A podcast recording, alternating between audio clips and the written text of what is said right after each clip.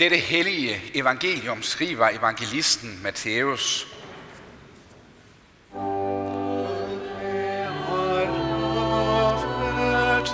For sit glædelige budskab. Da de nærmede sig Jerusalem og kom til Betfage ved Oliebjerget, sendte Jesus to disciple afsted og sagde til dem, Gå ind i landsbyen heroverfor, og I vil straks finde et æsel, som står bundet med sit føl. Løs dem og kom med dem. Og hvis nogen spørger jer om noget, skal I svare. Herren har brug for dem, men vil straks sende dem tilbage. Det skete for, at det skulle opfyldes, som er talt ved profeten, der siger, Sig til Sions datter, se din konge kommer til dig, sagt modig, ridende på et æsel og på et trækdyrs følge. Disciplene gik hen og gjorde, som Jesus havde pålagt dem. De kom med æslet og følget og lagde deres kapper på dem, og han satte sig derpå. Den store folkeskare bredte deres kapper ud på vejen. Andre skar grene af træerne og strøede dem på vejen. Og skarne, som gik foran ham, og de, der fulgte efter, råbte, Hosianna, Davids søn. Velsignet være han, som kommer i Herrens navn hos Janna i det højeste. Amen.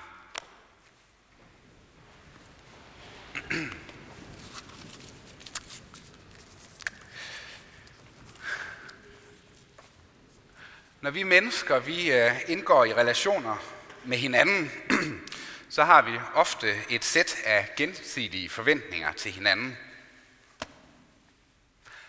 Mange af de her forventninger det er nogle forventninger, der ofte er en selvfølge, en selvfølgelighed.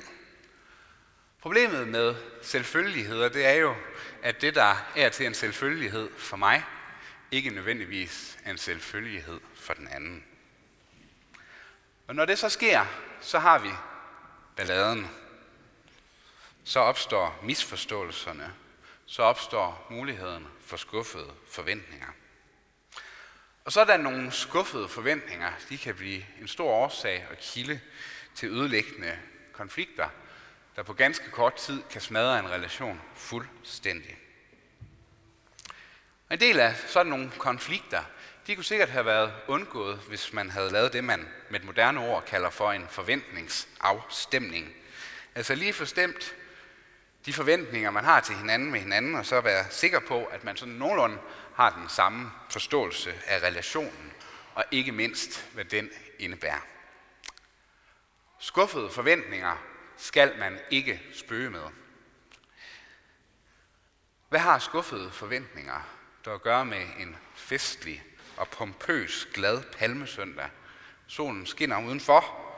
Vi hører om, hvordan Jesus bliver taget imod i Jerusalem som en sand superstar, ja som en konge det lugter jo ikke meget af skuffede forventninger. Og vi ser jo i hvert fald også, at der er en folkemængde, der har ganske store forventninger til Jesus. I dagens evangelium, der hører vi kun første halvdel af den historie, der knytter sig til den kristne påske. Den del af historien, der udspiller sig, mens alt endnu er ren fred og idyl. Så ikke en modtagelse, Jesus han fik. Og noget af en entré under jubelsang, fodråb og svingende palmegrene. De hyldede ham som en stor konge, ja som Messias, den længe ventede frelser, der nu skulle komme og rette op på det hele. Endelig er han her.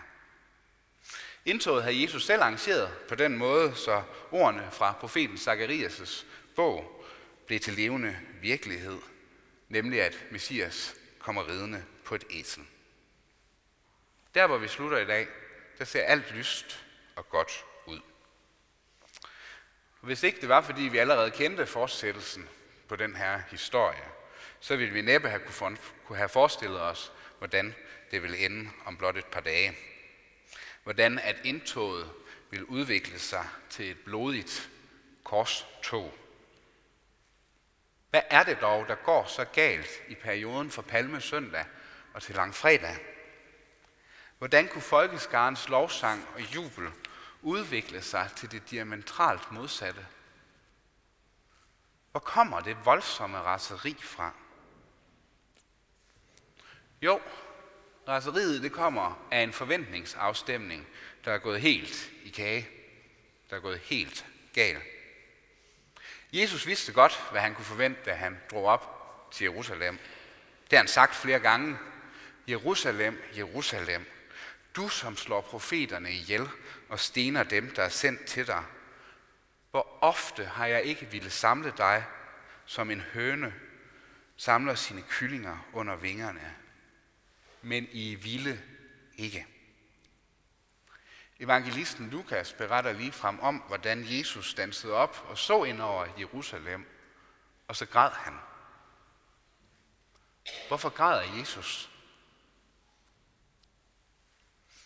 Han græder, fordi han er fuldstændig klar over, at det folkemængden så i ham, det de hyldede ham for, og det de forventede fra ham, det var noget ganske andet, end det han var kommet for at give.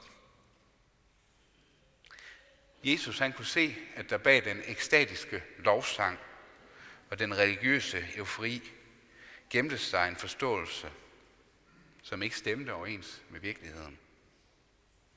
Den Gud, de så Jesus, det var en Gud, de selv havde skabt og formet i deres eget billede, efter deres eget forgodtbefindende og deres eget begær. Jesu opgave var en anden end den, de havde forventet.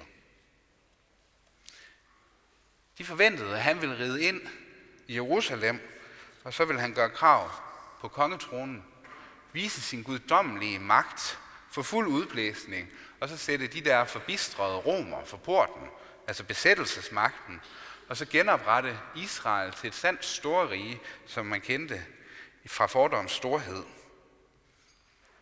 De troede, Jesus var en rigtig brødmessias, en rigtig skaffergud, der kunne give dem lige præcis, hvad de gik og drømte om.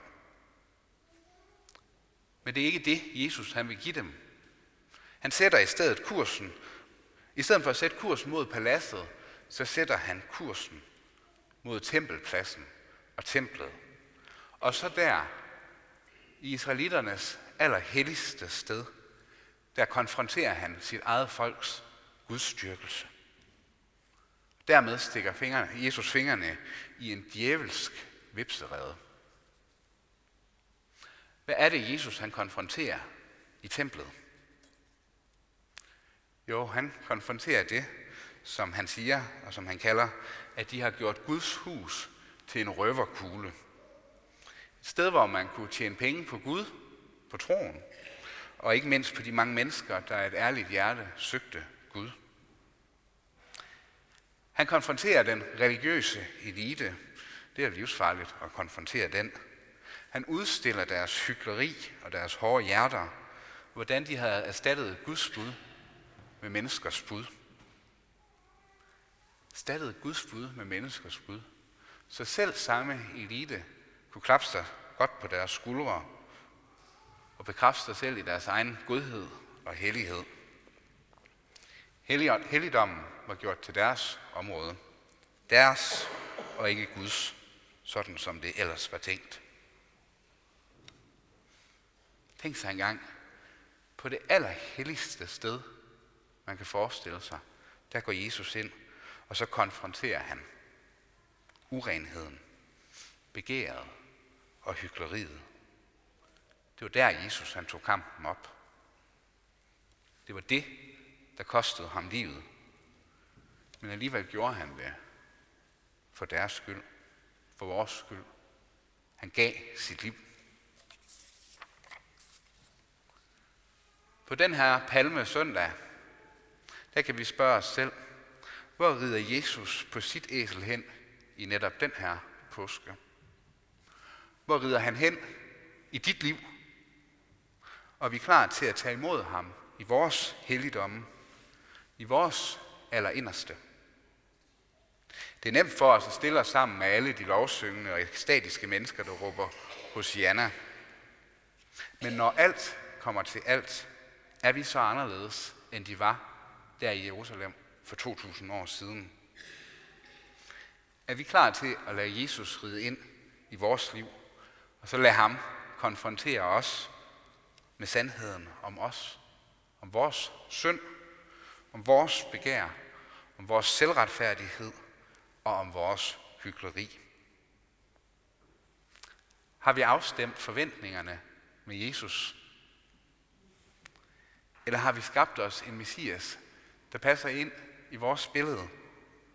En messias, der naturligvis altid er på hold med os og ikke med de andre. En messias, som ikke kunne drømme om at dømme nogen, og som selvfølgelig heller ikke går alt for tæt på, men derimod holder en venlig afstand, og så ellers bekræfter os i, at vi der på bunden er gode nok. En messias, som ikke stiller spørgsmål ved noget menneskets religiøsitet, for det er jo privat, og det ene kan vel være lige så godt som det andet. En messias, der ophævede Guds radikale krav om ubetinget kærlighed til Gud og til næsten, og som naturligvis for længst har båret af på kravene til Guds, Guds kravene, kravene til Guds bud, så vi har en, bare en lille mulighed for at kunne følge dem. Alt andet, det ville da være urimeligt. Har vi skabt os en messias, der følger os, i stedet for en messias, der udfordrer os til at følge ham? Der er ikke meget, der kan forstyrre os på den her palme søndag. Lovsang og glæde. Ja tak, det kan vi da alle sammen være med på. Det kan man ikke blive stødt over. Men fortsættelsen af historien er forstyrrende. Påskeugens historie er forstyrrende. For da Gud talte sandhed med os, så endte han på et kors. De korsfæstede ham. Vi korsfæstede ham, fordi han dømte os, fordi han afslørede os og modsagde os. Han var så god, at vores ondskab blev synlig. Har vi afstemt forventningerne med Jesus? Har du husket, at der kommer en lang fredag før en påskemorgen? For sagen er den, at hvis vi ikke giver Jesus lov til at ride ind i vores allerinderste og allerhelligste mørke, og der lad ham afsløre vores ugudelighed, så bliver langfredag en ligegyldig omgang. For så har vi ikke brug for, at Gud selv i Jesus Kristus tager al vores synd og skyld og skam på sig og bærer dommen i vores sted. Så må vi selv bære den. Nej, i Jesus Kristus, der har Gud virkelig taget en tjeners skikkelse på. Der har han ydmyget sig. Der er han blevet lydig til døden på et kors for vores skyld. Det er påskens gode budskab. Og det betyder, at det korstog, som vi i de næste dage skal være vidner til, i allerdybeste forstand, er et triumftog. Messias var kongen, der kom og vandt sejr for sit folk, og gav sit folk fuldstændig del i sejren. Eller som Paulus han sagde det et sted. Han slettede vort gældsbevis imod os med alle dets bestemmelser. Han fjernede det ved at navle det til et kors, og dermed afvæbnede han magterne og myndighederne, stillede dem offentligt til skue og førte dem i sit triumftog i Kristus.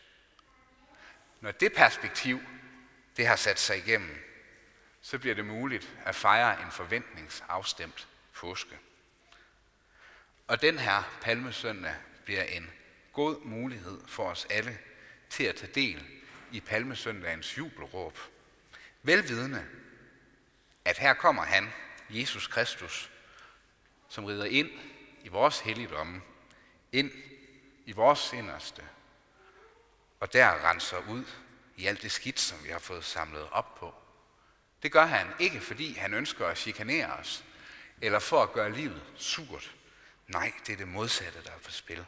Han gør det, fordi vi skal leve. Vi skal leve godt. Her kommer han.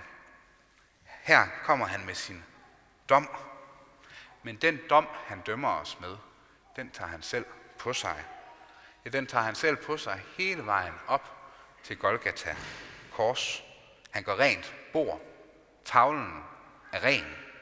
Alt har du fået for intet.